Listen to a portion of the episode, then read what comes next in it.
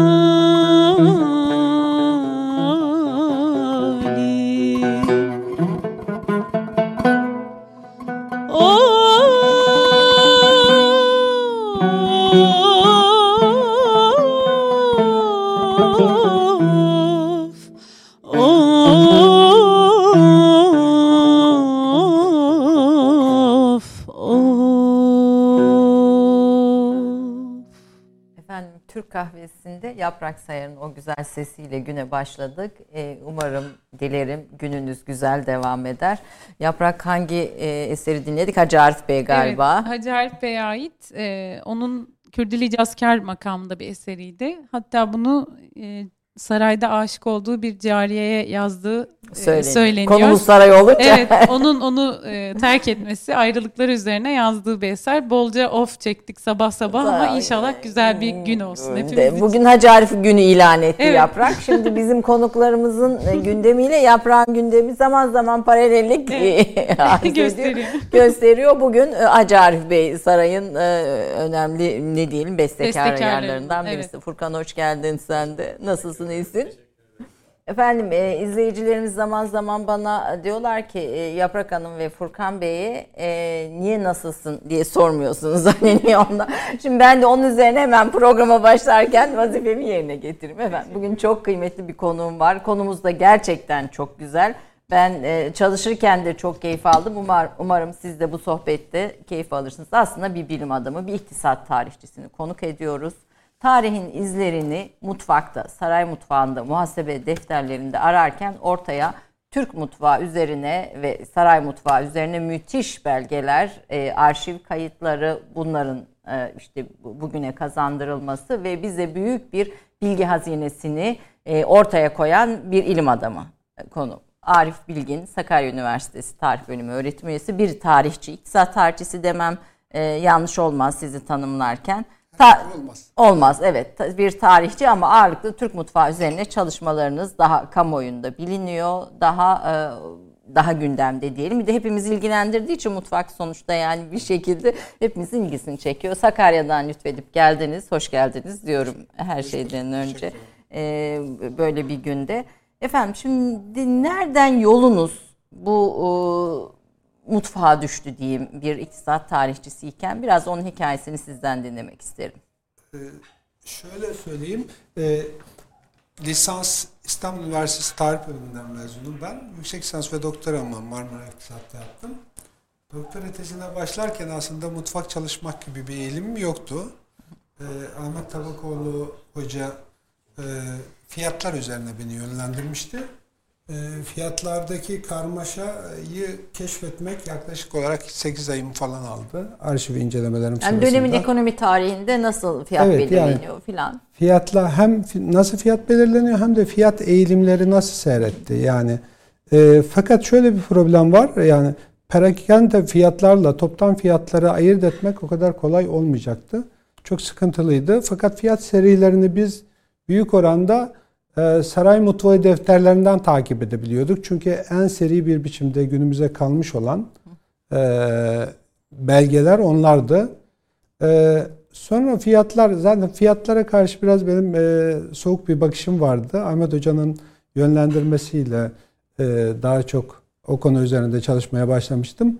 Bir müddet sonra bunun çok sağlıklı bir şey olmayacağına kanaat getirdim. Her ne kadar Ahmet Hoca'yı ikna edemesem de ben tekrar bu mutfak defterlerini gördüğüm için oradaki bilgi e, veri e, yoğunluğunu e, fark ettiğim için. Siz bu arada meslek yani birazdan bir özgeçmişinizi vereceğiz ama mes- Başbakanlık Devlet Arşivleri Genel Müdürlüğü Osmanlı Arşivi Daire Başkanlığı'nda da bir dönem bulundunuz. Evet bir dönem. Ondan önceydi. Bu evet. üniversiteye intisap etmeden önce 90-93 yılları arasında 93'ten itibaren üniversiteye intisap ettim. Yüksek lisans ve doktoramı üniversitedeyken yaptım. E, dolayısıyla arşive dair bir bir altyapım vardı kesinlikle. Sonra Ahmet e, Ahmet Hoca'nın e, bu teklifini e, olumsuz karşılamak durumunda kaldım ve mutfağa döndüm. O da şöyle oldu. Ahmet Hoca'nın e, e, şeyini hmm, olumsuz kanaatini kırmak için Mehmet Genç Hoca ile konuştum. bir başka. Mehmet Genç Hoca tabii e, çok olumlu baktı bu İAŞ çalışmasına. Aslında benim doktora çalışmam, tezim Osmanlı Sarayı'nın İAŞ'siyle evet. ilişkilidir.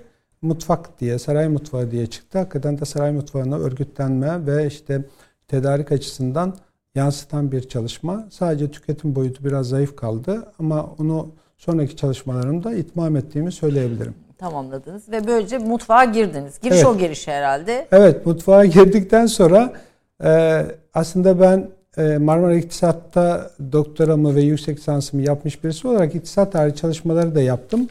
Fakat tabii insanlar beni akademik camiada dahi mutfakla tanıdılar. Mutfakla bilmeye devam ettiler. Ee, mesela işte iktisat tarihi çalışmalarım var. Onları çok fazla bilmezler insanlar veya sosyal tarihin değişik boyutlarıyla ilgili çalışmalarım var. Onlardan daha çok mutfakla tanıyorlar. Mutfak, evet şimdi mutfağa geçeceğiz. Yani bunları söz ettiğiniz için Şehzade Divanı defterleri. Mesela bu da sizin çalışmalarınız içinde dikkat çekici bir şey. Ee, sanırım Manisa. Evet Manisa'da e, ki Şehzade Divanı'nın defterleri Feridun Emecan Hoca ve Zekai Mete Hoca ile birlikte hazırladığımız bir çalışma o. E, şöyle bir şey var biliyorsunuz şehzadeler sancağa çıkıyorlardı. Sancakta da küçük minyatür bir sarayda kalıyorlardı. Orada lalalarıyla işte haremiyle vesairesiyle e, küçük bir saray e, yaşantısı sürüyorlardı. E, Aynı zamanda Şehzade Sancakları'nda bu sarayda divan toplantıları yapılıyordu ve divan kayıtları vardı. Fakat bizim elimizde şu ana kadar sadece Manisa e, Şehzade Divanı'nın kayıtları var. Mesela Onlar Trabzon, Amasya falan onların hiçbirisi, yok. hiçbirisi yok. Yani ne yazık ki yok. Kütahya yok, Konya yok, Amasya yok, Trabzon yok. Sadece Manisa'ya ait e, bölük pörçük e, şeyler vardı. Şehzade Divanı kayıtları vardı. Onları arşivden toparlamak suretiyle bir araya getirildi ve bu kitap ortaya çıktı. E, bu bizim için çok hayati. Şehzadelerin gündelik hayatına dair çok önemli şeyler sunduğu gibi aynı zamanda Şehzade Sarayı'nın örgütlenmesi, teşkilatlanmasıyla alakalı da çok önemli bilgiler sunuyor bize. Mesela bu, bu arşivde bu çitiz ve bir çalışma, bu kalın bu kitabın ortaya çıkması, evet. bu çalışırken sizi en şaşırtan belge veya bilgi ne oldu? Ee, mesela e, yaz şey, Manisa biliyorsunuz e, çok sıcak bir şehir. E, yazın o şehirde durmak çok zordur, zahmetlidir. Çünkü Manisa'nın yanı başında bir dağ var, Spil Dağı. Spil Dağı'nın önemli bir kısmı taştır. Taş güneşi alır, gece boyunca da verir. Yani gece serinliği hissedemezsiniz Manisa'da. Öyle müthiş bir sıcak bir memleket diyebiliriz. Sabah 5'e doğru bir serinleme olur.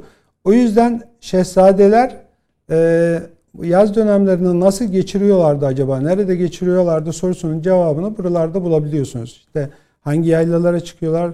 Özellikle Bozdağ dediğimiz e, şeye doğru, hmm, Alaşehir'e doğru o güzergahta bulunan bir yayla var. Oraya gidiyorlar.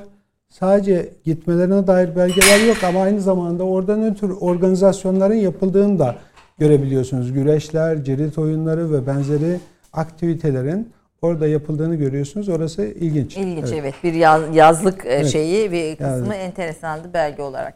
Şimdi mutfağa e, bu Bursa Hassa Harç e, Emir Eminliği Kim? üzerine de bir kitabınız var burada. Bursa üzerine çok çalışmanız var. Dikkatimi çekti. Mutfakla ilgili notlarınız, kitaplarınız içinde de hep Bursa'ya dair. Mesela Bursa Kadınlar Pazarı, bu Bursa'ya dair çalışmalarınız var. Bursa'nın önemi ne burada? Onun da altını çizelim. Bursa tabii birinci başkent biliyorsunuz Osmanlı İmparatorluğu'nda. O açıdan önemli ama ondan daha önemlisi mutfak açısından düşündüğümüzde Bursa çok verimli toprakların olduğu bir e, bölge ve İstanbul'a yakın bir bölge. İstanbul'a nakliyatın kolayca yapılabileceği bir bölge. Mudanya vasıtasıyla işte e, şey başka kanallar vasıtasıyla İstanbul'a mal akışının sağlanabileceği bir bölge çok mümbit bir arazi olduğu için oradan meyveler hatta bazı e, kısmen sebzelerin bile İstanbul'a nakledildiğini biliyoruz. Ama aynı zamanda Bursa ve çevresi zaten İstanbul'un tahıl ambarıdır. En iyi buğday Bursa'da yetişir. Bursa ve çevresinde yetişir. Ona has buğday denir. E, o, o düzeyde, o kalitede, o nitelikte buğday üretmek neredeyse imkansızdır başka yerlerde. Aynı zamanda Bursa o zamanın yani klasik Osmanlı döneminin modern dönem için söylemiyorum. Klasik Osmanlı döneminin e, avantajlarından birisine sahip. Bursa'da bol miktarda e, nehir, dere vesaire olduğu için çok değirmen var. E, ve o buğdayı öğütmek suretiyle un halinde İstanbul'a gönderebiliyor. Bu da büyük bir avantaj sağlıyor. İstanbul'da Topkapı Sarayı'nın bahçesinin e, e, fidanları bile Bursa'dan geliyor. Yani Nasıl? o kadar güçlü katkı sağlıyor e, yapılmış bazı mamul malzemelerin de mamul yiyeceklerin de Bursa'dan getirildiğini çok rahatlıkla söyleyebiliyoruz. Yedi veren koruğu turşusudan tutun nane turşusu gibi. Nane işte turşusu başka, ilk defa. Nane turşusu. Nane turşusu çok e, harikulade bir şeydir. E, ben Yediniz şu an mi? tüketiyorum. Evet. Nereden Şir, buluyorsunuz? E, benim bir öğrencim var, doktor öğrencim. E, aynı zamanda uygulayıcı şef. Hı hı. E, e, teorik olarak da bu işlerle ilgilendi. Osmanlı klasik dönemi yemekleriyle modern dönem yemeklerini karşılaştırdı. E, onun o Şirvani'nin 15. yüzyıl yazarı şeyi Bağdadi'nin 13. yüzyılda yazdığı yemek kitabını 15. yüzyılda Türkçe'ye çeviren kimsedir Şirvani. O Şirvani'nin tarifinden hareketle yaptığı için uzun süre bozulmuyor. Çok özel bir sirke kullanıyor içinde. Nane, nane turşusu. turşusu. Evet. Nane turşusu normalde nane za, za, şeydir, narindir biliyorsunuz. Evet. Çabuk bozulması beklenir. hakikaten çok o yöntemle yaptığınızda çok uzun süre bozulmuyor. Evet, benim ilgimi çekti. Evet. Çok ilginç evet. Padişahlar da çok seviyorlar Bursa nanesini. E, nane turşusunu çok çok seviyorlar. Saraya her yıl düzenli olarak gönderiliyor Bursa'da. Ee, Bursa nanesinin daha bir özelliği var herhalde yani. Herhalde, herhalde öyle evet, bir özelliği var. Var evet. yani orada orada yetişen evet. nanenin daha da farklı evet. bir özelliği var. Şimdi Osmanlı e, mutfağı için Batı'nın ve Doğu'nun e, buluştuğu bir yer e, tanımını Hı-hı. biraz daha kullanıyorsunuz ve e, Osmanlı mutfağında Fars e, ve Arap kültürünün etkisi üzerine ne söylersiniz? Evet yani e, yani mesela biz daha çok İstanbul İstanbul mutfağına da döndüğümüzde saray mutfağı diye bakıp Bizans etkisi sanki mutfağa daha çok e, sirayet etmiştir diye düşünüyorduk ama siz bunun tam tersini söylüyorsunuz. E, şimdi tabii yani böyle şeyler farklı e, iddialar söz konusuydu fakat genel olarak Türk mutfağının seyrine baktığımızda tablo biraz değişiyor kesinlikle. Önce şunu söylemek lazım yani Orta Asya'da nispeten daha e, fazla et ağırlıklı tüketimin olduğu bir şey var. Alışkanlık var. E, Çin'den biraz pirinci alıyorlar, eklem diyorlar.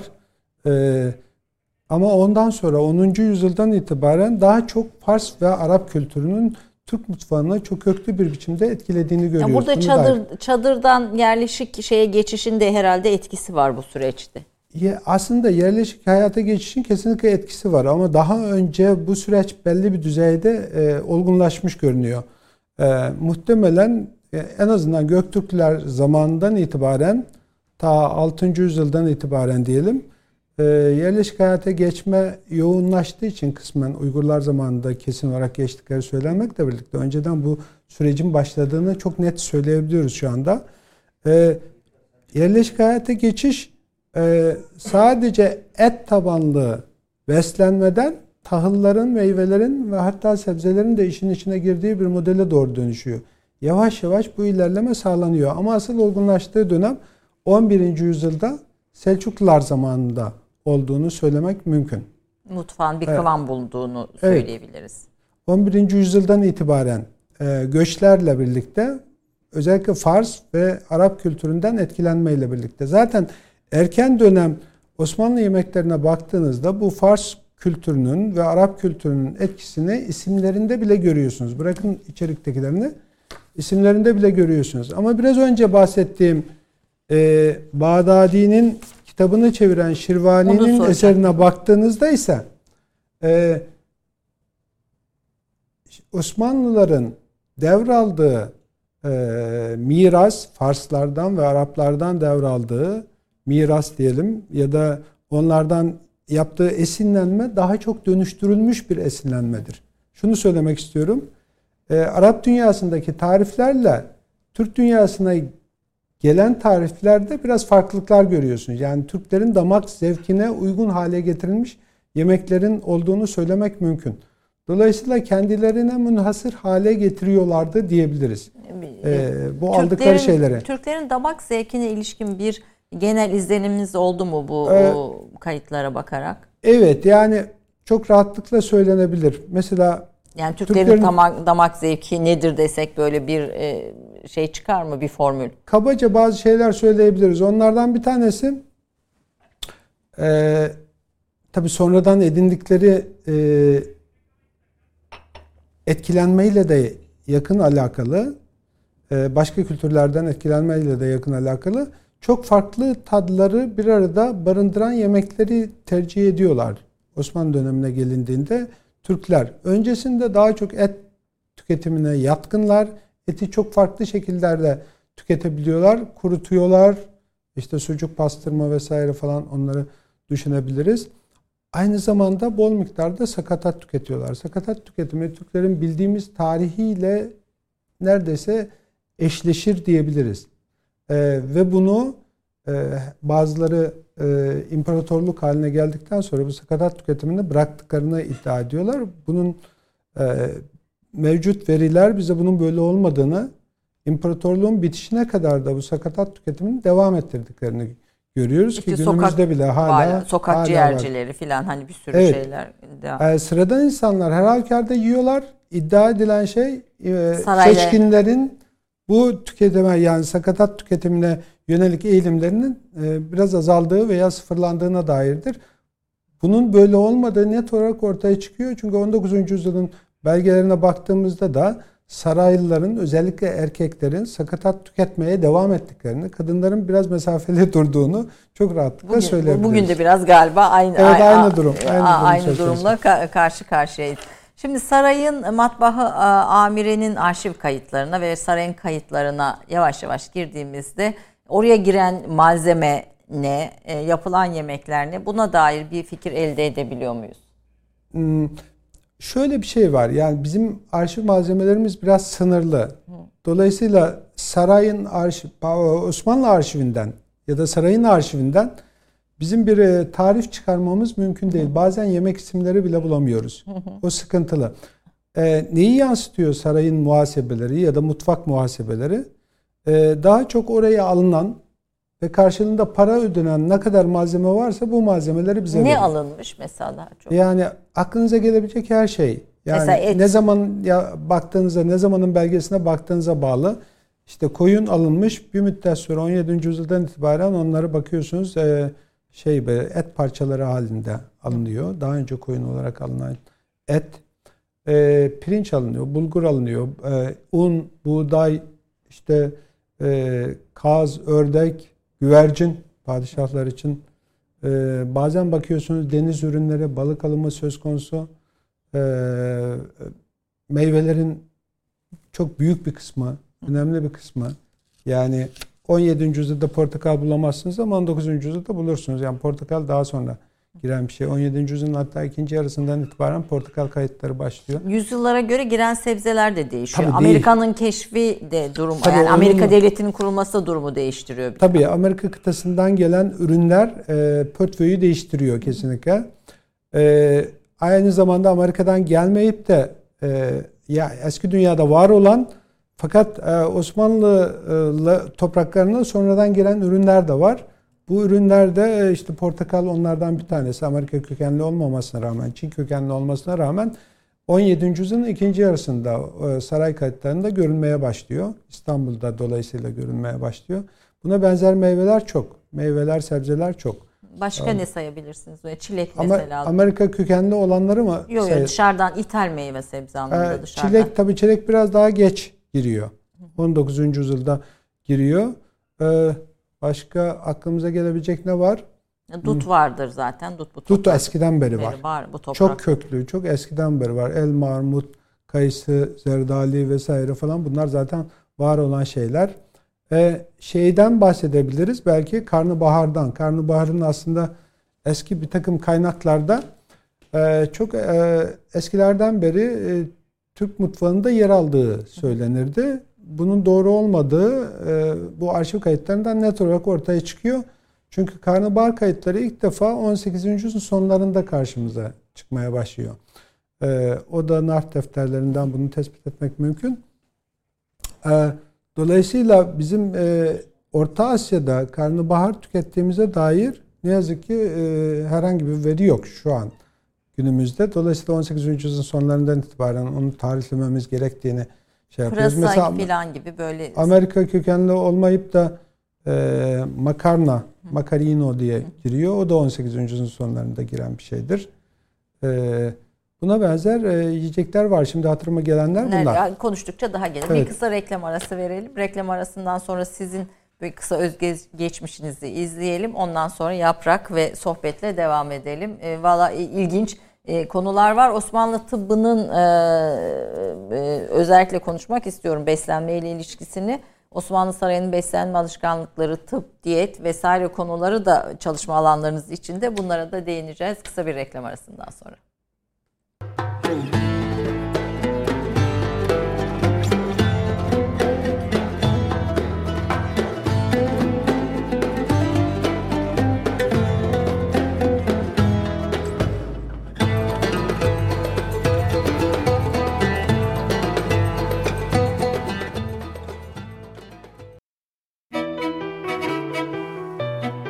Arif Bilgin 1967 yılında Bolu'da doğdu. 1989'da İstanbul Üniversitesi Edebiyat Fakültesi Tarih Bölümünden mezun oldu. Meslek hayatına Başbakanlık Devlet Arşivleri Genel Müdürlüğü, Osmanlı Arşivi Daire Başkanlığında başladı. 1993 yılında Celal Bayar Üniversitesi'ne araştırma görevlisi olarak atandı. Yüksek lisansını Marmara Üniversitesi Sosyal Bilimler Enstitüsü İktisat Tarihi Bilim Dalı'nda 1994 yılında bitirdi. 2000 yılında aynı ana bilim dalında Osmanlı Sarayı'nın iaşesi 1453-1650 isimli doktorasını tamamladı. Bilgin, 2003 yılında Sakarya Üniversitesi Eğitim Fakültesi'ne yardımcı doçent olarak atandı. 2007 yılında Sakarya Üniversitesi Fen Edebiyat Fakültesi Tarih bölümüne geçiş yaptı. 2012'de profesör oldu. 2012 ve 2020 yılları arasında Tarih Bölümü Başkanlığında bulundu. Profesör Doktor Arif Bilgin hala Sakarya Üniversitesi Sosyal Bilimler Enstitüsü Müdürü olarak görev yapıyor. Osmanlı tarihi üzerine araştırmalar yürüten Bilgin, iktisat tarihi, sosyal tarih ve kültür tarihinin değişik alanlarında, özellikle mutfak tarihi alanında araştırmalar yapmaktadır. Osmanlı Saray Mutfağı, Osmanlı Taşrası'nda bir maliye kurumu, Bursa Hassa Harç Eminliği ve Türk Mutfağı yayınlanmış kitapları arasındadır. Tabii makaleler ve sadece bunlarla sınırı değil. Başka Şehzade Divanı defteri, başka bir sürü eser, Osmanlı ekonomisi vesaire geniş kapsamlı bir şey çalışmanın içindesiniz. Osmanlı Sarayı'nın beslenme alışkanlıkları nasıldı hocam? Şöyle diyelim, e, bu biraz geniş bir konu ve çok uzun vakit alacak bir şey. Nasıl özetleyebilirim diye düşünüyorum.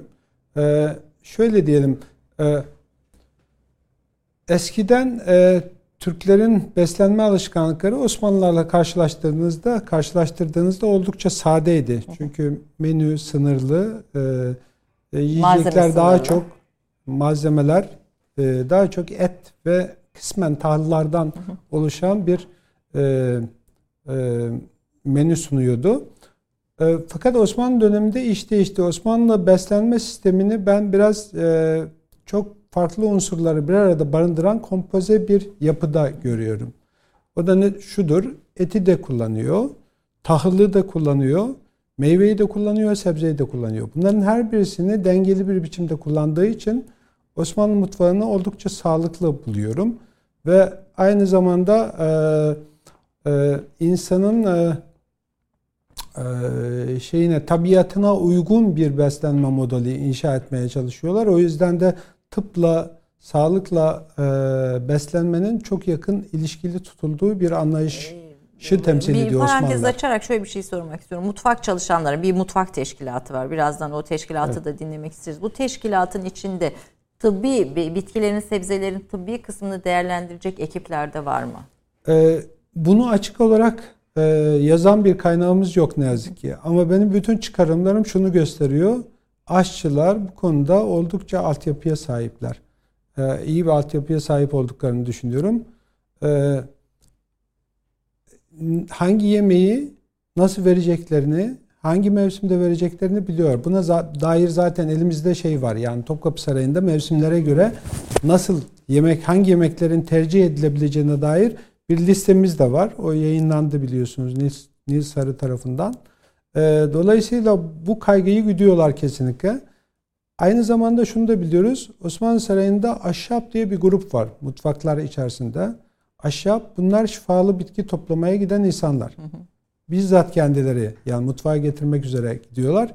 Dolayısıyla hasta olanlara yapılacak yemeklere nelerin katılacağını belirleyen buna dair altyapısı olan insanlar bunlar. Görevliler. Orada ee, azıcık dozajın karşıması, zehirlenme, suikastler falan gibi şeyler de buralardan mı biraz e, zuhur ediyor yani? e, zehirlenme işi başka tabii. Yani burada dozajı muhtemelen tecrübe ederek iyi ayarlıyorlardır. Muhtemelen e, zehirleme hadisesi tabii farklı bir mevzu. Çok e, yani mutfakla onun da bir bağlantısı doğru, var. Doğrudan bağlantısı var. İşte öyle bir bağlantı olduğu için e, Osmanlı Sarayı'nda var olan kullanıldığını bildiğimiz bazı porselenler var. Onlara mertabani deniyor ya da İngilizce şu andaki adıyla seladon deniliyor. İşte onların içerisine yemek koyduğunuzda zehir varsa yemekte renk değiştirdikleri falan iddia ediliyor. Fakat bunun çok mümkün olmayacağına dair e, son zamanlarda yapılan bir iki çalışma var. Onları da e, görünce artık net olarak ikna ettim. Biraz abartılı bir hikaye yani gibi. Yani rivayetler çok evet, aslında mutfakta var. ama gerçek olan e, daha farklı. Peki e, tıpla bağlantılı ve bir denge mutfağı e, diyorsunuz. E, diyet ve perhiz sarayda, saray mutfağında diyet ve perhiz de var diyorsunuz evet. özellikle bunun devamında. Evet saray mutfağının personel arasında perhizi diye bir grup var.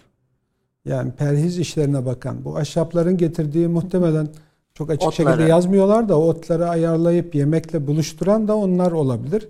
Kime ne perhizin verileceği, hangi hastaya e, ne tür yemeklerin sunulacağına dair bir altyapısı olduğunu düşünüyorum. O yüzden de hekim bulundurmalarına gerek yok. Bu tür becerileri olan insanların saray mutfaklarında rol aldıklarını ben düşünüyorum.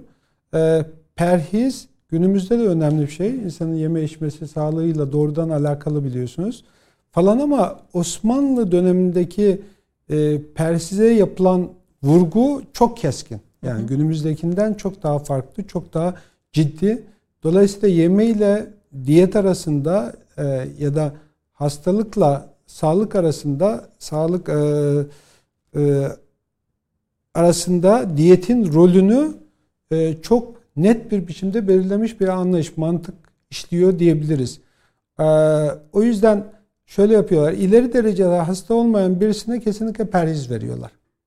O yüzden perhizi diye iki tane görevli saray mutfaklarında sürekli hareket halinde, sürekli faaliyet halinde.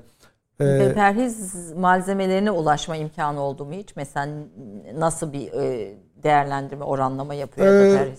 Onu çok net olarak bulamıyorsunuz. Ama şu var, perhizciler neyi yaparlar? Şunu yaparlar. Yani Osmanlı tıbbı insan vücudundaki hırtları yani sıvıların dengede olmasıyla ilişkili bir e, şeye sağlık anlayışına sahip. Dört yani sıvıyı denge, de, dengede Dört sıvıyı dengede tuttuğunuz zaman sağlıklı olursunuz. Sıvıların dengesi bozulduğu zaman sağlık da bozulmuş olur. Dolayısıyla o dengesi bozulan sıvıyı dengeye getirmek için yiyecekler ve içeceklerden destek alırsınız. Perhiz dediğimiz şey buna katkı sağlıyor. Dolayısıyla ne, ne yiyip ne içeceğinizi onlar belirliyor. Ee, ve düşen sıvı miktarını artırıcı bir takım yiyecek ve içecekler teklif edebiliyorlar. Ya da yükseleni düşürücü e, e, yemekler ve içecekler e, sunmak suretiyle o problemi gideriyorlar. Ama çok ileri derecede hastaysa bu sefer ilaç tedavisi başlıyor. İlaç tedavisi de yine bir kısmı e, saray mutfaklarından yönetilen bir organizasyon. Yani helvahanede ilaçlar yapılıyor ve bu ilaçlar veriliyor. Üç türlü ilaç var. Birisi şerbet olarak, diğeri şurup olarak, diğeri de kurs diyorlar onlar. Hap olarak takdim ediliyor. Daha daha ileri derecede e, problem varsa, sağlık problemi varsa bu sefer artık hekimlik olmuşsunuz demektir. O da ee, hekim başının yanındaki hekimlerin yürütebileceği bir organizasyonla iyileştirme süreci devam ediyor. Tedavi süreci devam Ama ediyor. Öncelik, o da öncelik beslenme düzenlemesi. Tabii tabii onu yapıyorlar. Beslen. Kesinlikle ilk önce beslenmeye dikkat ediyorlar. Hastalığın yediklerimiz, içtiklerimizle ilişkili olduğunu düşünüyorlar. Evet. Ağırlıklı olarak. Çünkü hırtlar, hırt teorisi buna götürüyor insanları. Yani vücuttaki o dört sıvının evet, evet. dengede olması. Bu dört sıvıyı tanımlarsanız kan. Dört sıvı kan, e, balgam, Hı. sevda ve safra. Hı Dört tane sıvı. E, fakat bu tabi bu yapı e, 19. yüzyılda değişecek. Asıl etkilenme ise 17. yüzyılda başlayacak. Iatrokimya cereyanı var e, batıda.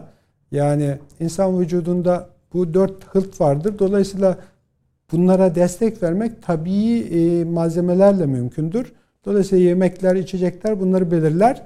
Fakat iatrokimya cerrahı ile birlikte Osmanlıların tıbbı cedid dediği yani yeni tıp dediği e, hareketle birlikte e, bunlar sadece e, tabii unsurlarla desteklenmemeli, kimyasal unsurlarla da desteklenmelidir deniyor. İşte bir takım ilaçları falan, kimyasal ilaçları falan kullanmaya başlamamız bunlarla alakalı 17 18. yüzyıl. 17. yüzyılda giriyor asıl ama etkisini e, daha fazla göstermesi 19. yüzyılda ait bir şey. Modern tıbbın girişiyle yakından alakalı. Tıbbi cedidin Osmanlı topraklarında hakim olması 19. yüzyıla ait bir olgudur. İlaç ve batı tıbbı evet. buradan gidiyor. Peki Biraz şimdi biraz aslında mesela Osmanlı mutfağında ecnebi etkisini merak ediyorum. Ee, sarayda statü ve menüleri farklılaştığını söylüyorsun statüye göre menüleri. Ee, bir saray teşkilat, mutfak teşkilatından söz ediyorsunuz. Ee, Fatih Sultan Mehmet'in sofrasına dair de arşiv kayıtlarında belgelere, bilgilere ulaştınız. Fatih Sultan sondan başlayalım. Fatih Sultan Mehmet'in sofrası nasıldı? Hünkârların, padişahların yemekleri neydi? Ne yiyip ne içiyorlardı? Evet. Ya yani bir kuzu yiyorlar mıydı sorayım dün de evet, evet. Sadece öyle bir rivayet vardır yani bir padişah Önemli, oturuşta bir kuzu zaman. bir kuzuyu yedi filan gerçekten yiyorlar mıydı bir kuzuyu bir oturuşta? Ee, e, padişahlar arasında Fatih'i e, örnek olarak almak önemli bence. Çünkü Fatih biraz ayrışıyor. Neden? Şunu söyleyelim. İlk önce padişahlar da dahil olmak üzere Osmanlı Sarayı'nda dahi olsa e, sofrada bulunan yemek sayısı fazla değil. Hı hı. Ziyafetlerde değişiyor iş. Ziyafetlerde işte 50 çeşit, 60 çeşit yemek söz konusu olabiliyor. Hatta Buzpek'in söyledikleri doğruysa 150 çeşidi falan bulabiliyor bazı elçi Bu, ziyafetlerinde. Kimin dediniz ben? Buzpek. Buzpek diye 15 16. yüzyılın ortalarında gelen bir elçi. Evet tamam. Evet. Ee, şimdi 5 çeşidi neredeyse geçmiyor rutinde. Sofrada bulunan yemek çeşidi. Gündelik hayatta normalde. Bunun için ekmek falan da dahil olmak üzere. Ekmek değil de ta, tabak ta, içine konulabilecek tabak yemeklerden bahsediyorum. 5 çeşidi geçmiyor. Ee, her şey yiyebiliyorlar ama ayrıcalıklı yedikleri yemekler de var padişahların. Normal zaten et yemeği, pilav, çorba, ve tatlı gibi şeyler önemli tabii padişahlar için. Onları da e, sıradan insanlar gibi onlar da tüketiyorlar ya da sıradan saraylılar gibi onlar da tüketiyorlar. Ama o sıradan saraylıların yiyemediği bazı yemekleri onların tükettiklerini biliyoruz. Mesela işte e, güvercin, kebuter diye kayıtlı bizim muhasebelerde. Güvercini sadece e, padişah ve hanedan halkının e, yiyebildiğini düşünmek gerekir diye düşünüyorum. Ördek, kaz gibi e, kanatlıları sadece onların tükettiğini varsaymak lazım. Mesela kadayıf baklavayı birçok kimseye sunarlar. Sarayda veya başka ziyafetlerde herkese sunarlar. Ama kadayıf tatlısını herkese sunmazlar. Kadayıf özeldir. O yüzden kadayıf hassa diye geçer. Padişahlar ve hanedan mensupları daha çok kadayıfı tüketirler e, işte bir tane minyatür var.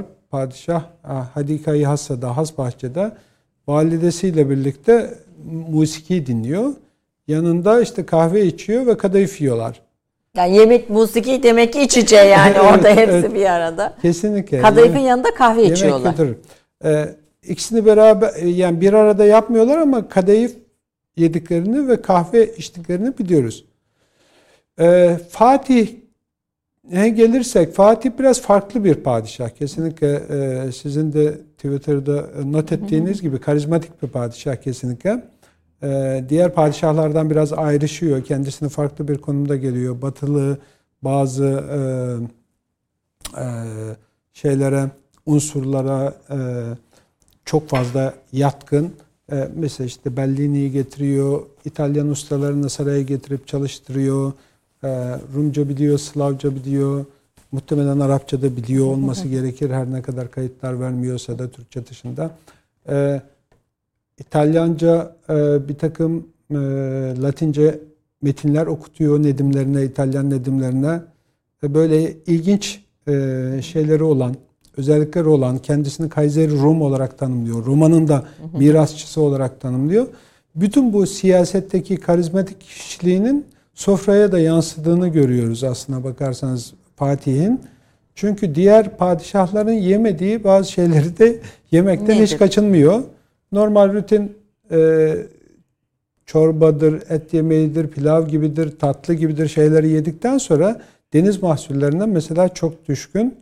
E, istiridye yiyor, karides yiyor, e, balık yumurtası yiyor, e, havyar yiyor, e, morina balığı yiyor. mar balığı Yani diyorlar. bayağı bir batılı şey. Yılan balığı. Yani. Yılan balığı aynen öyle.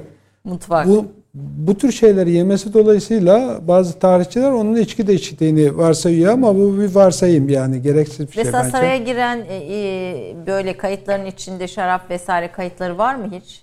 Hiç öyle bir şey rastladınız muhasebe Ee, kayıt? saray mutfağı e, muhasebelerinde böyle bir kayıt yok. Sadece e, şöyle kayıtlar var. Elçilere verilen tahsisatlar var. O tahsisatların içerisinde yabancı elçilere, batılı elçilere, Hristiyan dünyadan gelen elçilere yapılan tahsisatlar arasında içki için ayrılan miktar da var. Şarap alımı için ayrılan miktar da var. Bunu herhangi bir Osmanlı e, içki aldığında kaydının buralara girmesi mümkün değil. Niye değil?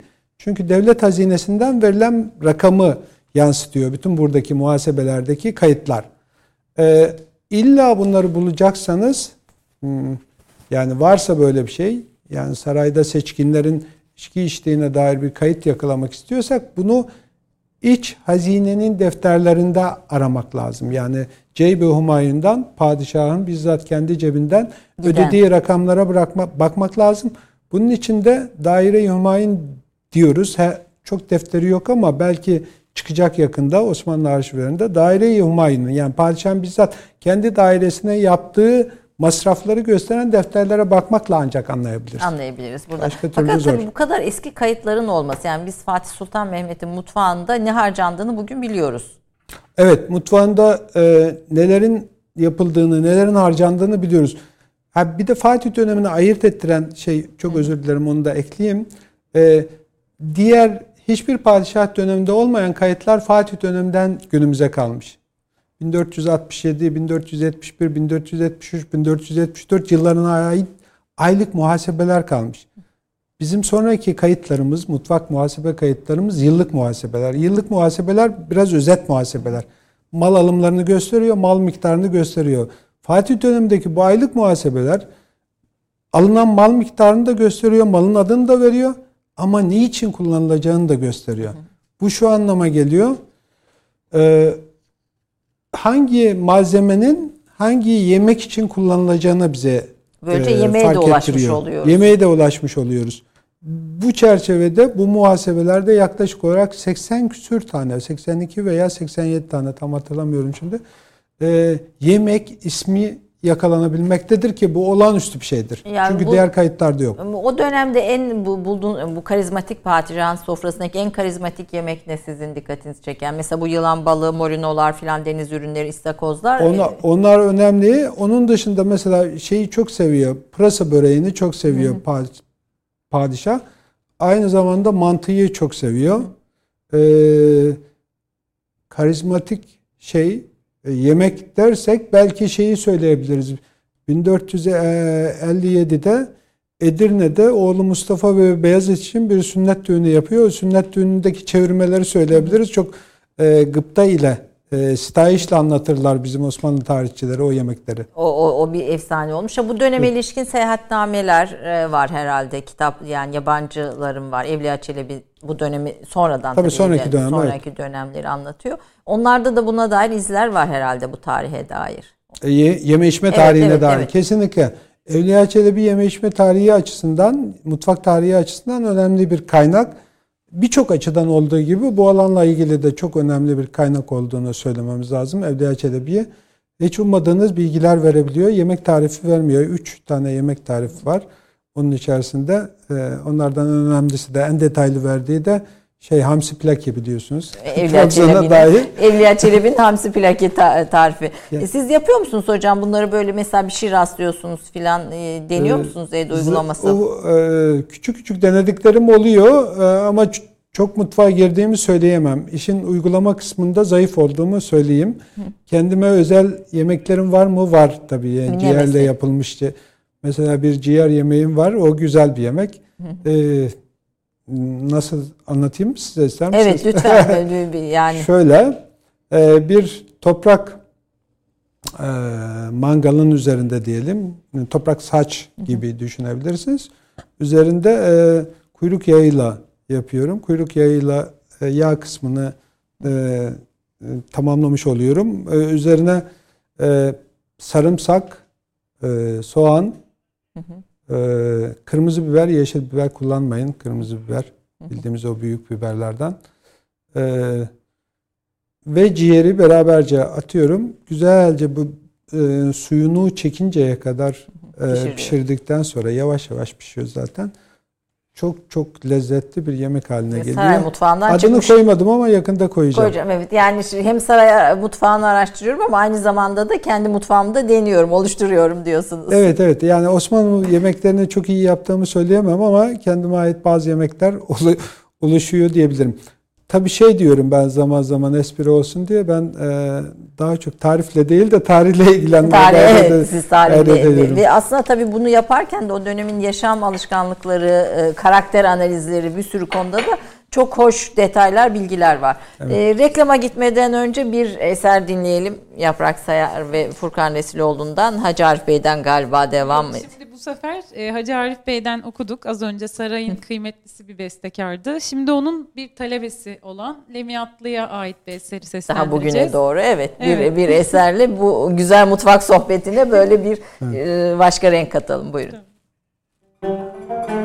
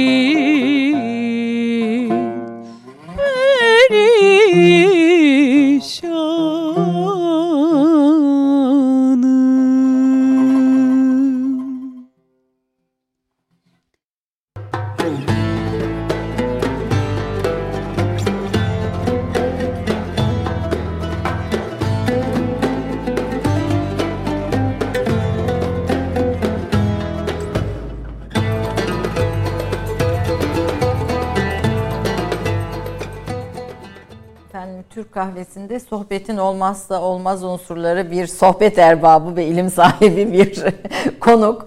Türk kahvesi ve güzel bir musiki. E, bu bütün bunları birleştirmeye çalışıyoruz. Aslında kahve ve çayı bizim gibi birlikte içiyorlar mı e, diye sordum arada hocamıza. Yok dedi erken dönemlerde ya yaptıkları bir şey değil. Biz böyle bir icat yaptık kahve ve çayı evet. bir arada içiyoruz. Şimdi gelen bir iki soru var. Hemen çok hızlı onları cevaplayıp biraz mutfak teşkilatına girmek istiyorum. Çünkü e, tarihin yani mutfakta beslenmenin kayıtları kadar tarihin de kayıtları var. Mesela işte Yeniçeri isyanına e, Yeniçerileri destekliyor aşçılar ve Hı. Yeniçeriliğin kaldırılmasına karşı çıkıyorlar. E, e, ve meşrutiyete karşı çıkıyorlar. Hani değişim ve modern dönemlerinde. Siz de Bolulusunuz. Bolulu efsanesi, sarayda Bolulu e, aşçılar efsanesi ne zaman değişiyor? Mesela bütün bunlarla da bir bağlantısı var. Bunlara da girmek istiyorum. E, çok kısa bir izleyicimiz çiğ köftenin şeyini tarihini sormuş yani biber çok geç bulunmuştu. Çiğ köfte ile ilgili ne söylemek istersiniz? Bir diğer izleyicimiz de Evliya Çelebi'nin seyahatnamesinden e, hane dışı, ev dışı sokak yemekleri üzerine böyle bir e, size soru sormuş. Onları bir kısaca dinleyeyim sizden. Şimdi soruyu bir açayım bu arada. E, buyurun. Aç. Yani şöyle diyelim yani genel olarak yemekler için eğer kayıtlı bir hikaye yoksa ee, Mesela çiğ köfte Hazreti İbrahim'e mi dayanıyor efsanesi öyle? Öyle anlatılır. Bir şekilde dayandırılmış ama bunun doğru olup olmadığını aslına bakarsanız hiç kimse bilmiyor. Evet. Saray Normal kayıtlarında şartlar. var mı çiğ köfte? Çiğ köfte yok. Ee, muhtemelen e, aynı dönemde yani Osmanlı döneminde e, şeyde e, Güneydoğu Anadolu'da var olan bir şey. Hı hı.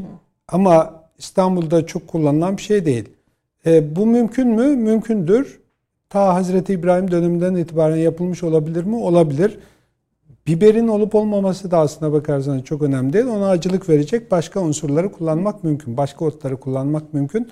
Çünkü biz e, şu an sınırlı bir ot portföyü kullanıyoruz diyebilirim ben. O çok zaman rahatlıkla. baharat ve ot çeşitliliği Baharat nasıl? çünkü yani e, sarayı saraydan söz edersek 16. yüzyılın sonlarında 200 küsür çeşit baharatın kullanıldığı bir merkezdi saray. Oysa biz e, toplamda evlerimizde düşündüğümüzde on, onu geçmeyen bir baharat türüyle iktifa etmeye çalışıyoruz. E, dolayısıyla yani bizim bilmediğimiz e, aynı tatları veren bir sürü e, ottan da söz etmek mümkün olabilir dünyada. İlla biberin olması gerekmiyor. Evet. E, bu e, o saray teşkilatı, saray mutfak teşkilatının kategorileri nasıldı? E, biraz ondan ve onların Osmanlı tarihiyle, o teşkilatın Osmanlı tarihiyle olan bağlantısı konusunda küçük notlarınız olur mu? Evet yani e, aslına bakarsanız e, e, teşkilatlanmadan daha ziyade Osmanlı yeme içme alışkanlıklarının Osmanlı siyasi tarihiyle eşdeğer seyrettiğini söyleyebilirim. Dolayısıyla mutfak üzerinden bir Osmanlı tarihi okuması yapmak çok mümkündür. Ne görüyorsunuz mesela ee, burada baktığınızda? Mesela işte oralardaki değişmeler dünyadaki siyasal gelişmelerle, fetihlerle falan doğrudan Hı. alakalı. Yeni fethettiğiniz yerlerden bir takım unsurları getiriyorsunuz, oralara etkiliyorsunuz. İşte Amerika'nın e, keşfi, coğrafi keşifler e, bir önemli gelişme olarak dünya tarihinde e, yerini almıştır. O gelişmeden sonra bütün dünya mutfakları gibi Osmanlı mutfağı da bu gelişmeden çok derinden etkileniyor. Ee, batılılaşma süreciyle birlikte mutfakta da bir batılaşma serüvenine hem kullanılan malzemeler itibariyle hem de pişirme teknikleri itibariyle bir takım değişiklikler yaşandığını görüyorsunuz. Mesela sarayın ecnebileşmesi e, bu başlıkta hemen teşkilata girmeden sorayım. Ecnebi mesela bir Fransız pastaları giriyor mu saraya? 19. Ee, yüzyılda bazı Fransız tabanlı yemekler, e, batılı yemekler, Avrupa'yı yemekler e, giriyor ama bunlar ağırlıklı olarak ziyafetlerde tercih ediliyor. Dolayısıyla 19. yüzyılda saray merkezli mutfakta bir şey Avrupa'yı yemeklere bir öykünmenin var olduğunu söyleyebiliriz. Yabancı Bunlara aşçılar falan var mı? Tabii yabancı aşçılar 2. Mahmut döneminden itibaren ufak ufak gelmeye başlıyorlar. Ee, ama e, şunu söylememiz lazım. Bizim yerli aşçılar zaten ihtiyacı görüyor. Ya yani bir etkileşimi ifade ediyor aslına bakarsanız yabancı aşçılar. Ee, buraya gelenler mesela Prenses Öjen'le gelen aşçılardan birisinin buradan bir yemeği Avrupa'ya taşıdığını biliyoruz. Ee, ne mesela? Gelenler, bir isim var mı bu? E, bir yemek de şimdi hatırlamadım. Tamam, Ona peki. bakmamız lazım. Ee, yine e, şey bazı batılı yemekleri, Avrupa yemekleri Osmanlı Sarayı'na taşıdıklarını biliyoruz ama bunlar daha çok yani Prenses Öjen gibi işte Avrupalı e, seçkinlerin ya da diplomatların e, yemek yerken zorluk çekmesinler diye, e, sıkıntı yaşamasınlar diye ziyafet sırasında sunulmuş yemekler olarak bunları düşünmek lazım. Osmanlılar kendileri sofraya oturduğunda bu tür yemekleri tercih etmiyorlardı çoğunlukla diyebiliriz. Kesinlikle. Masada tabii. Dolayısıyla tam bir ecnebileşmeden söz etmek mümkün değil. Son dönem masa masa masada yemek falan bunlar. Evet yemek yeme içimleri, biçimleri açısından bir ecnebileşmeden söz etmek mümkün. 19. yüzyılın ikinci yarısında masada yemek yemeye başlıyorlar. Sofrayı terk etmiş oluyor. Hatta ben size bir şey daha söyleyeyim ya. Bunlar bile daha çok ziyafetler için kullanılan unsurlar oluyor. Kendileri muhtemelen sofra yemeğine devam ediyorlardı. Fakat şunu söylememiz lazım. E, sofraya işte kaşığın yanında çatalın, bıçağın devreye girmesi yine 19. yüzyılda tarihlenebilen bir şeydir. Onun Özellikle öncesinde ikinci, sadece kaşık var. E, sadece kaşık var. Ondan önce sadece kaşık var. Bıçak ve çatal e, sonradan devreye giriyor. Asıl ilk emareleri bizde aslında 18. yüzyılın sonlarında görülmeye başlanıyor. Saraya hediye olarak getiriliyor falan. Ama kullanılmaya başlaması 2. Mahmut döneminden itibaren göze çarpıyor. Yani tanzimatın hemen öncesinde karşımıza çıkan bir olgu. Ya burada en alafranga sofraya sahip padişah desek bir şey söyler misiniz? Hmm, en erken 2. Mahmut'tan söz edebiliriz. En erken. Ondan sonra tedricen e, yayını yaygınlaşmaya başlıyor diyebiliriz. E, Fatih döneminde kuruluyor Saray Teşkilatı Matbaa Amire dediğimiz şey. Evet. E, bunun içinde kimler var? Dervişlerin, şakirtlerin olduğu hani okuduğumuz şeylerin içinde yer alıyor saray mutfağının içinde kimler çalışıyor. Ee, biraz onların sınıfsal e, şeyleri de var. Ayrımlı. Kendi aralarında bir hiyerarşileri de var. Kesinlikle. Biraz... Ee, iki boyutu öne çıkarmamız lazım. Birincisi saray mutfağında çalışan personel e, aynen Yeniçeri Ocağı gibi ocak usulü örgütlenmiş bir yapıda. Nitekim zaten saray mutfağı personelinin kökeni de devşirmeye dayanır. Ağırlıklı olarak devşirmeye dayanır. Yani Yeniçerilerin acemi olan ihtiyacı nereden karşılanıyorsa saray mutfağının personel ihtiyacı da oradan karşılanır. E, ikinci usul de şu, yani esnaf teşkilatlarında nasıl bir e, hiyerarşik düzen varsa e, saray mutfağında da o şekilde bir hiyerarşik düzen var. Yani çırak, kalfa ve usta diye. Çırağa şakir diyorlar e, kalfaya halife diyorlar, ustaya da üstad diyorlar. E, bu şekilde bir yapılanma var. Dolayısıyla ilk gelen çırak oluyor. Hatta çırağın bile alt kademeleri var. İlk önce e, hiçbir yevmiyesiz çalışan, meccanen çalışan bir ekip var. Bir müddet öyle çalışıyorlar karın tokluğuna. Ondan sonra küçük bir ücret almaya başlıyorlar. Daha sonra da kıdemli çırak olmuş oluyorlar. Çıraklıktan sonra belli bir beceri kazandıktan itibaren kalfa haline geliyorlar artık püf noktalarını orada öğrendikten sonra da usta oluyorlar. Yani üstad oluyorlar. Ee, böyle bir yapılanma var. Ee, ne var saray mutfağında? Çok farklı hizmet grupları var. Onların başında şüphesiz aşçılar geliyor. Tabbahin denilen aşçılar. Ee, aşçıların başında da sertabbah dediğimiz aşçılar başı diyebileceğimiz bir eleman var. Ee, bunların sayısı epeyce yüksek yani 200 küsür tane aşçıdan söz ediyoruz. Bazen bu 300'ü falan bulabiliyor. Ee, onların altında helvacılar var. Helvacılar, helvahane sarayın önemli bir birimi. 10 gözlü saray mutfaklarının iki gözünü kaplamış bir yer. Ee, burada sadece tatlılar değil, turşular, reçeller, bir takım şuruplar, haplar, da yapıldığı için çok kıymetli özel sabunlar da yapılıyor burada aynı zamanda. Bıttım sabunu dahil olmak üzere. Ee, helvacılar da sayıca aşçılara neredeyse yakın fakat çok beceriklilerden, çok e, maharetlilerden, zeki olanlardan helvacıları seçiyorlar. O yüzden de helvacıların bir kısmının bir müddet sonra Endorum Mektebi'nde öğrenci olduğunu görüyorsunuz. Köprülü Bak, Mehmet Paşa da galiba aşçı kökenli. Bu, evet. E, şey helvahaneden gelme. Köprülü Mehmet kadarıyla, Paşa evet. Bildiğim kadarıyla. Ee, şimdi üçüncü grupta e, e, şeyler, kilerciler. üç ana grup. Kilerciler de sayı olarak çok fazla. Kiler biliyorsunuz Türk mutfağında önemli bir unsur, önemli bir bölüm, önemli bir birim. Ee, şimdi Topkapı Sarayı'nda e, saray arşivinin bulunduğu yer o zaman tamamen kiler olarak kullanılıyordu. Ee, saray mutfağına gelen e, kıymetli bazı malzemeler, bozulma ihtimali olan bazı malzemeler kilerde saklanıyordu. Kilercilerin sayısı da oldukça kabarıktır. Sadece burada hizmet etmezler. Aynı zamanda e, mutfağa gerekli olan malzemeleri şehir dışından getirmekle de görevlidirler. Bursa'ya giderler, Amasya'ya giderler veya işte Manisa'ya giderler, İzmir'e giderler. Oradan mutfak için ihtiyaç olan malzemeleri tedarik ederler. Bu, bu, bu soğukta yani bozulmadan saklanma şeyi nasıl, fonksiyonu nasıl e, şey yapılıyor? Şöyle kiler zaten şey yani epeyce serin bir yer. Bir de orada kaplar var. Özellikle toprak kapları, sırlı toprak kapları tercih ediyorlar ve orada saklıyorlar pirinci ve benzeri şeyleri.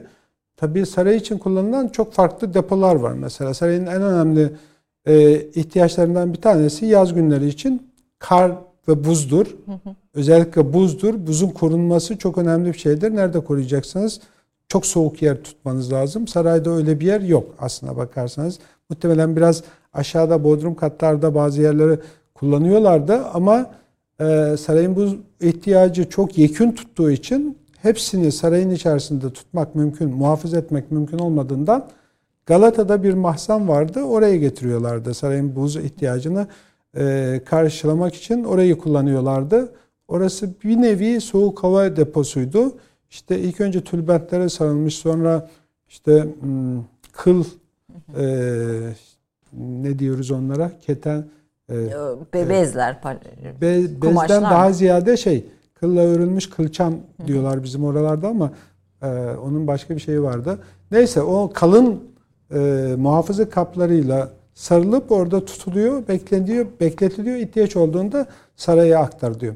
E, Tabi saray mutfağının e, şeyleri sadece aşçılar, helvacılar e, ve kilercilerden ibaret değildi. Aynı zamanda kasaplar, tavukçular, e, yoğurtçular, sebzeciler e, gibi farklı hizmet dalları vardı. Çok çok çok fazla yani onu aşkın hizmet dalından söz edebiliriz. Kaç kişiden söz ediyoruz?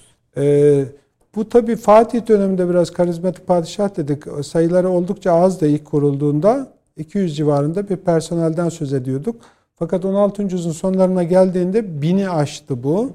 17. yüzyıl ortalarına ulaştığımızda ise 1370 e, kişiye e, ulaştı ve e, genellikle de o rakamda kaldı uzun bir süre.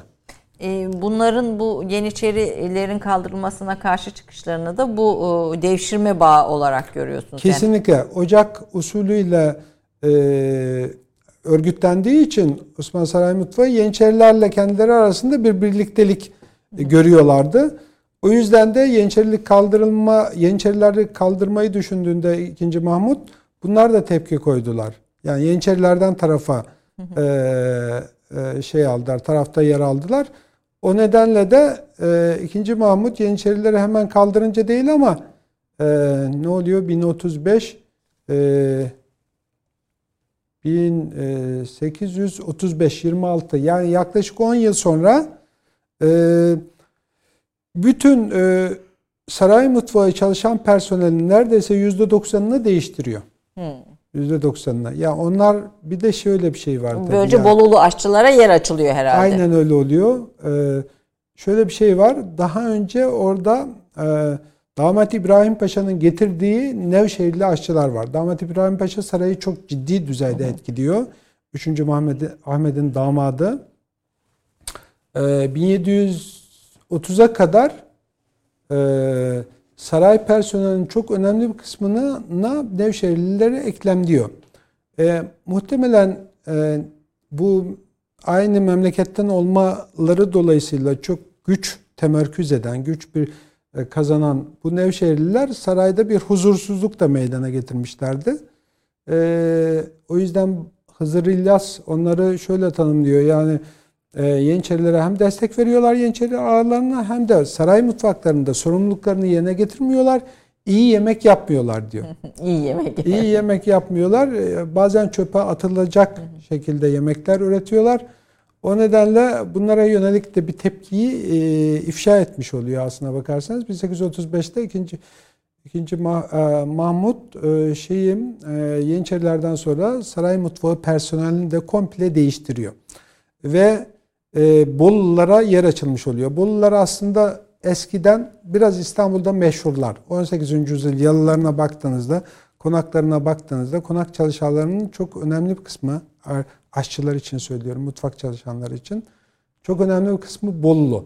Yani dolayısıyla İstanbul'da belli bir şöhrete ulaşmış olan Bolular sarayın da artık e, gözdesi haline geliyorlar.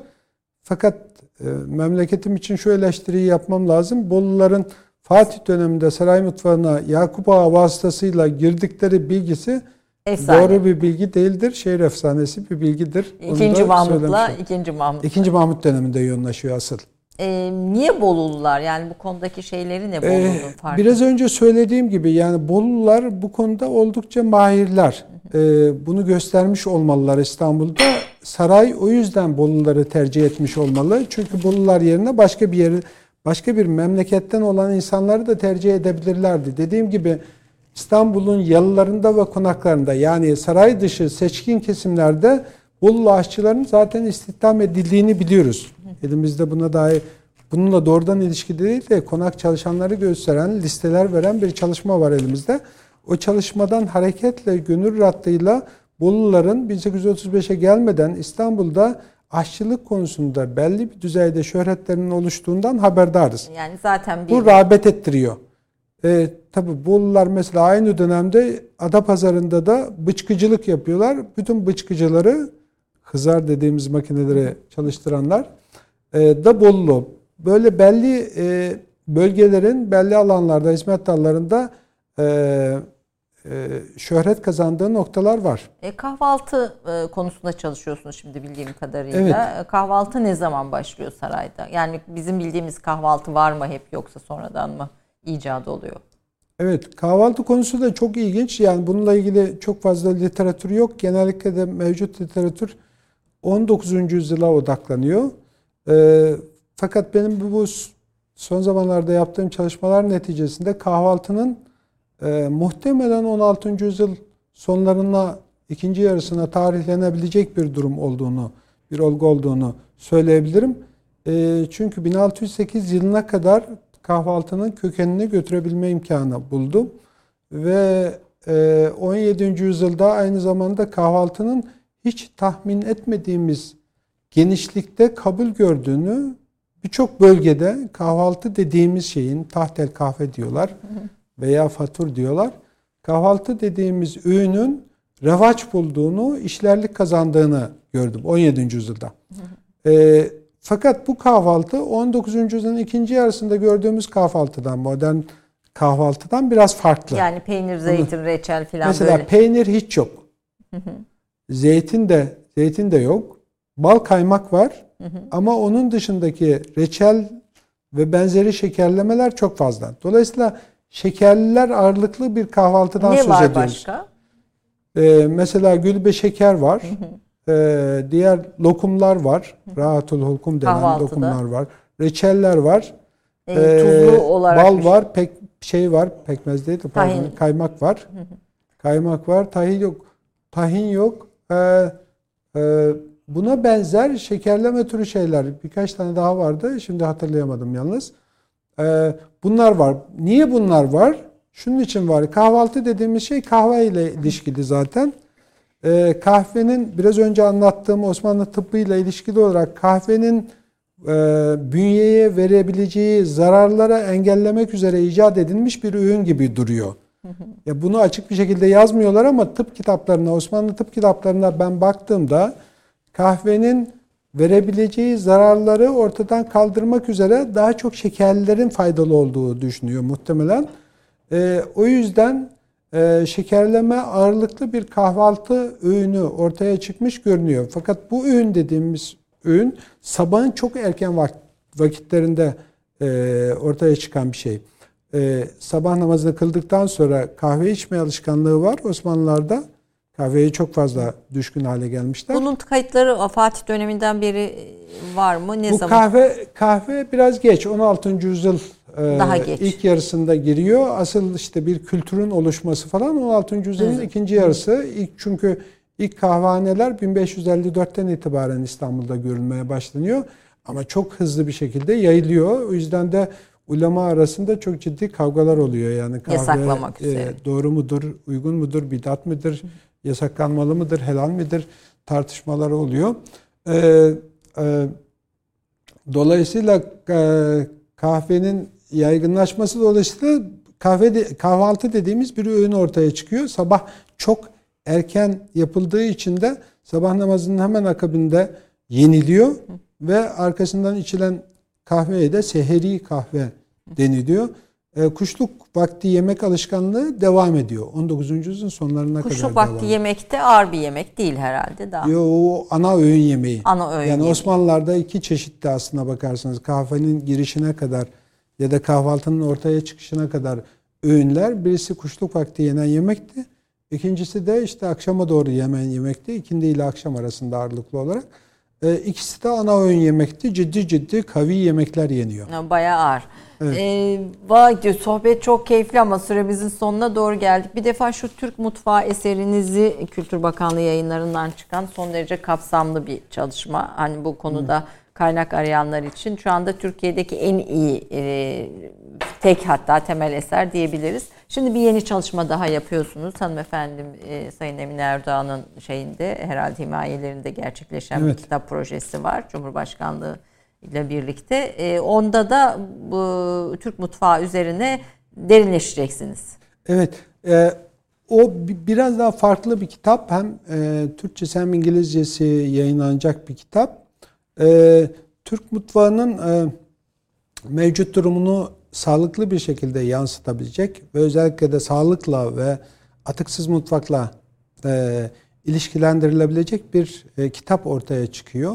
Ağırlıklı olarak tarifler var ama tar e, her bölümün e, önünde mesela çorbalar kısmının önünde e, veya işte tencere yemeklerinin önünde e, bu bölümle ilgili kültürü yansıtacak metinler olacak. Her tarifin önünde de kısaca tarif ön sözleri yer alacak şekilde e, biçimlendirilecek. Dolayısıyla e, Türk mutfağını gerçekçi bir şekilde dünyaya yansıtan bir kitap olması amaçlanıyor. Bu noktada da ilerleniyor. Ee, çok iyi e, bir sonuç alınacağını düşünüyorum. Başarılı bir kitap ortaya çıkacak diye düşünüyorum. Peki, e, sokak mutfağına aslında girmedik. Vakit kalmadı. Sorulardan birisiydi oydu ama ona girersek o biraz daha uzun uzun, uzun bir şey. 26 çeşit çorbadan söz ediyorsunuz. Hani evlerde e, yani hanelerde, sarayda yenen bir de evlerde yenen var. Ama o artık başka bir program konusu diyelim. E, son olarak biraz ailenizden hiç söz etmedik. E, bütün bu çalışmalarda eşinizin desteğini elbette alıyorsunuzdur çocuklar. Onlar ne diyorlar mutfakla bu kadar haşır neşir bir akademisyen bir baba olarak size? Evet yani e, e, hepsine teşekkür ederim. Hakikaten de destek oluyorlar. E, tabii ben e, uygulama kısmına girmediğim için çok fazla müdahil olmuyorlar benim çalışmalarıma. Ben, teorik kısmı e, onlara biraz uzak. Hı hı. E, sorun olmuyor. E, e, mutfağa yani mümkün olduğunca yardımcı olmaya çalışıyorum ama iş yoğunluğundan e, bunun dönemsel olarak biraz farklılaştığını söylemem mümkün. Son zamanlar çok fazla girebilme imkanım yok. Ben akademideyim, işin tarih ee, kısmındayım, tarih mutfağındayım büyük diyorsun. o oranda onu yapmaya Mutfağın tarih mutfağındasınız. Evet. Tarih mutfağı, tarihi e, kısmındasınız. E, var mı gelecekte başka bir plan proje veya ilginizi çeken bir saha bu bu çerçevede? E, evet yani bir, birkaç tane çalışma var. Ben e, şerbetler üzerine hazırladığım, saray şerbetleri üzerine hazırladığım bir metin var. O, o uygulamasını yapmamız gerekiyor. Onu da e, vakit bulup halledemedim. İnşallah yapacağım. Uygulamasını kimlerle yapıyorsunuz? E, genellikle bu işte mahir aşçılar Tabii vasıtasıyla işte. bu işi yapmak gerekiyor. E, biliyorsunuz Türkiye'de son zamanlarda e, şerbetler üzerine epeyce bir e, tecrübe birikimi oldu. Biz bunu kaybetmiştik biliyorsunuz. E, ve özellikle İstanbul Büyükşehir Belediyesi'nin Çamlıca'da yaptığı girişimler sonucunda unutulmuş bir gelenek olduğunu fark ettik ve orada bir takım denemeler oldu. Arkasından çeşitli lokantalar, restoranlar bu işi üstlendiler ve şerbet satmaya başladılar. E, iyi örnekler de sunulmaya başlandı. Dolayısıyla bir yani yaklaşık 20 yıl içerisinde e, belli bir düzeyde tecrübe birikiminin oluştuğunu düşünüyorum. Bunu yapabilecek epeyce bir insan var şu anda günümüzde. Evet bir şerbet kitabı geliyor. Bu arada aslında Sakarya bölgesinin bitki, sebze ve tarihle bağlantılı hatta e, tren yoluyla bağlantılı olarak. A, e, evet o da çok önemli bir çalışma. Şöyle ben onun danışmanlığını yapıyorum. Ee, Sakarya bölgesindeki e, gastronomi birikimi üzerine bir çalışma işte topraktan tabağa Sakarya gastronomisi şeklinde tanımlayabileceğimiz bir tanış, çalışma saha araştırması yapıldı. Biliyorsunuz Sakarya çok zengin bir yer, çok kültürlü bir yer. Çok farklı etnik grupların e, yaşadığı bir yer. E, dolayısıyla işte oradaki manav mutfağı, Türkmen mutfağı, muhacir mutfağını yansıtacak bir çalışma. E, şeyle otlarla ilişkim şöyle olmuştu. Sakarya'da Müze-i Humayun Müdürü çok bildiğimiz Osman Hamdi Bey'in bir Buradaki ot denemesi oldu. Kurucusu. Olmuş 20. yüzyılın başında. Ee, orada Arifiye çiftliği var. Arifiye çiftliğinde denemiş veya kendisine ait bir arazi var. Muhtemelen orada denemiş olabilir. Şerbetçi otu diye bir ot var. Hublon. Ee, onun e, ilk denemelerini yapmış. Biraz daha ağlaştırınca işin biraz farklı boyutlara gittiğini gördüm.